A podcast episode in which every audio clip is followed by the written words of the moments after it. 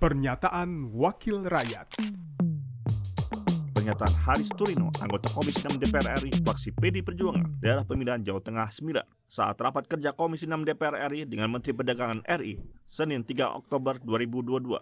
Yang Bapak sampaikan adalah penyerapan tenaga kerja terampil dan tidak terampil. Untuk tenaga kerja tidak terampil, rasanya tidak perlu diekspor, Pak.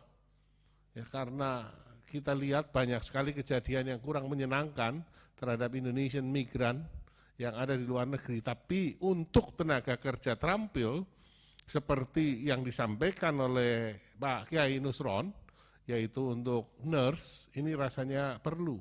Tetapi juga ini harus didukung oleh uh, kesepakatan mutual recognition agreement, karena kalau sertifikasi kita belum bisa diterima oleh mereka, maka pasti tenaga kerja kita dianggap sebagai uncertified.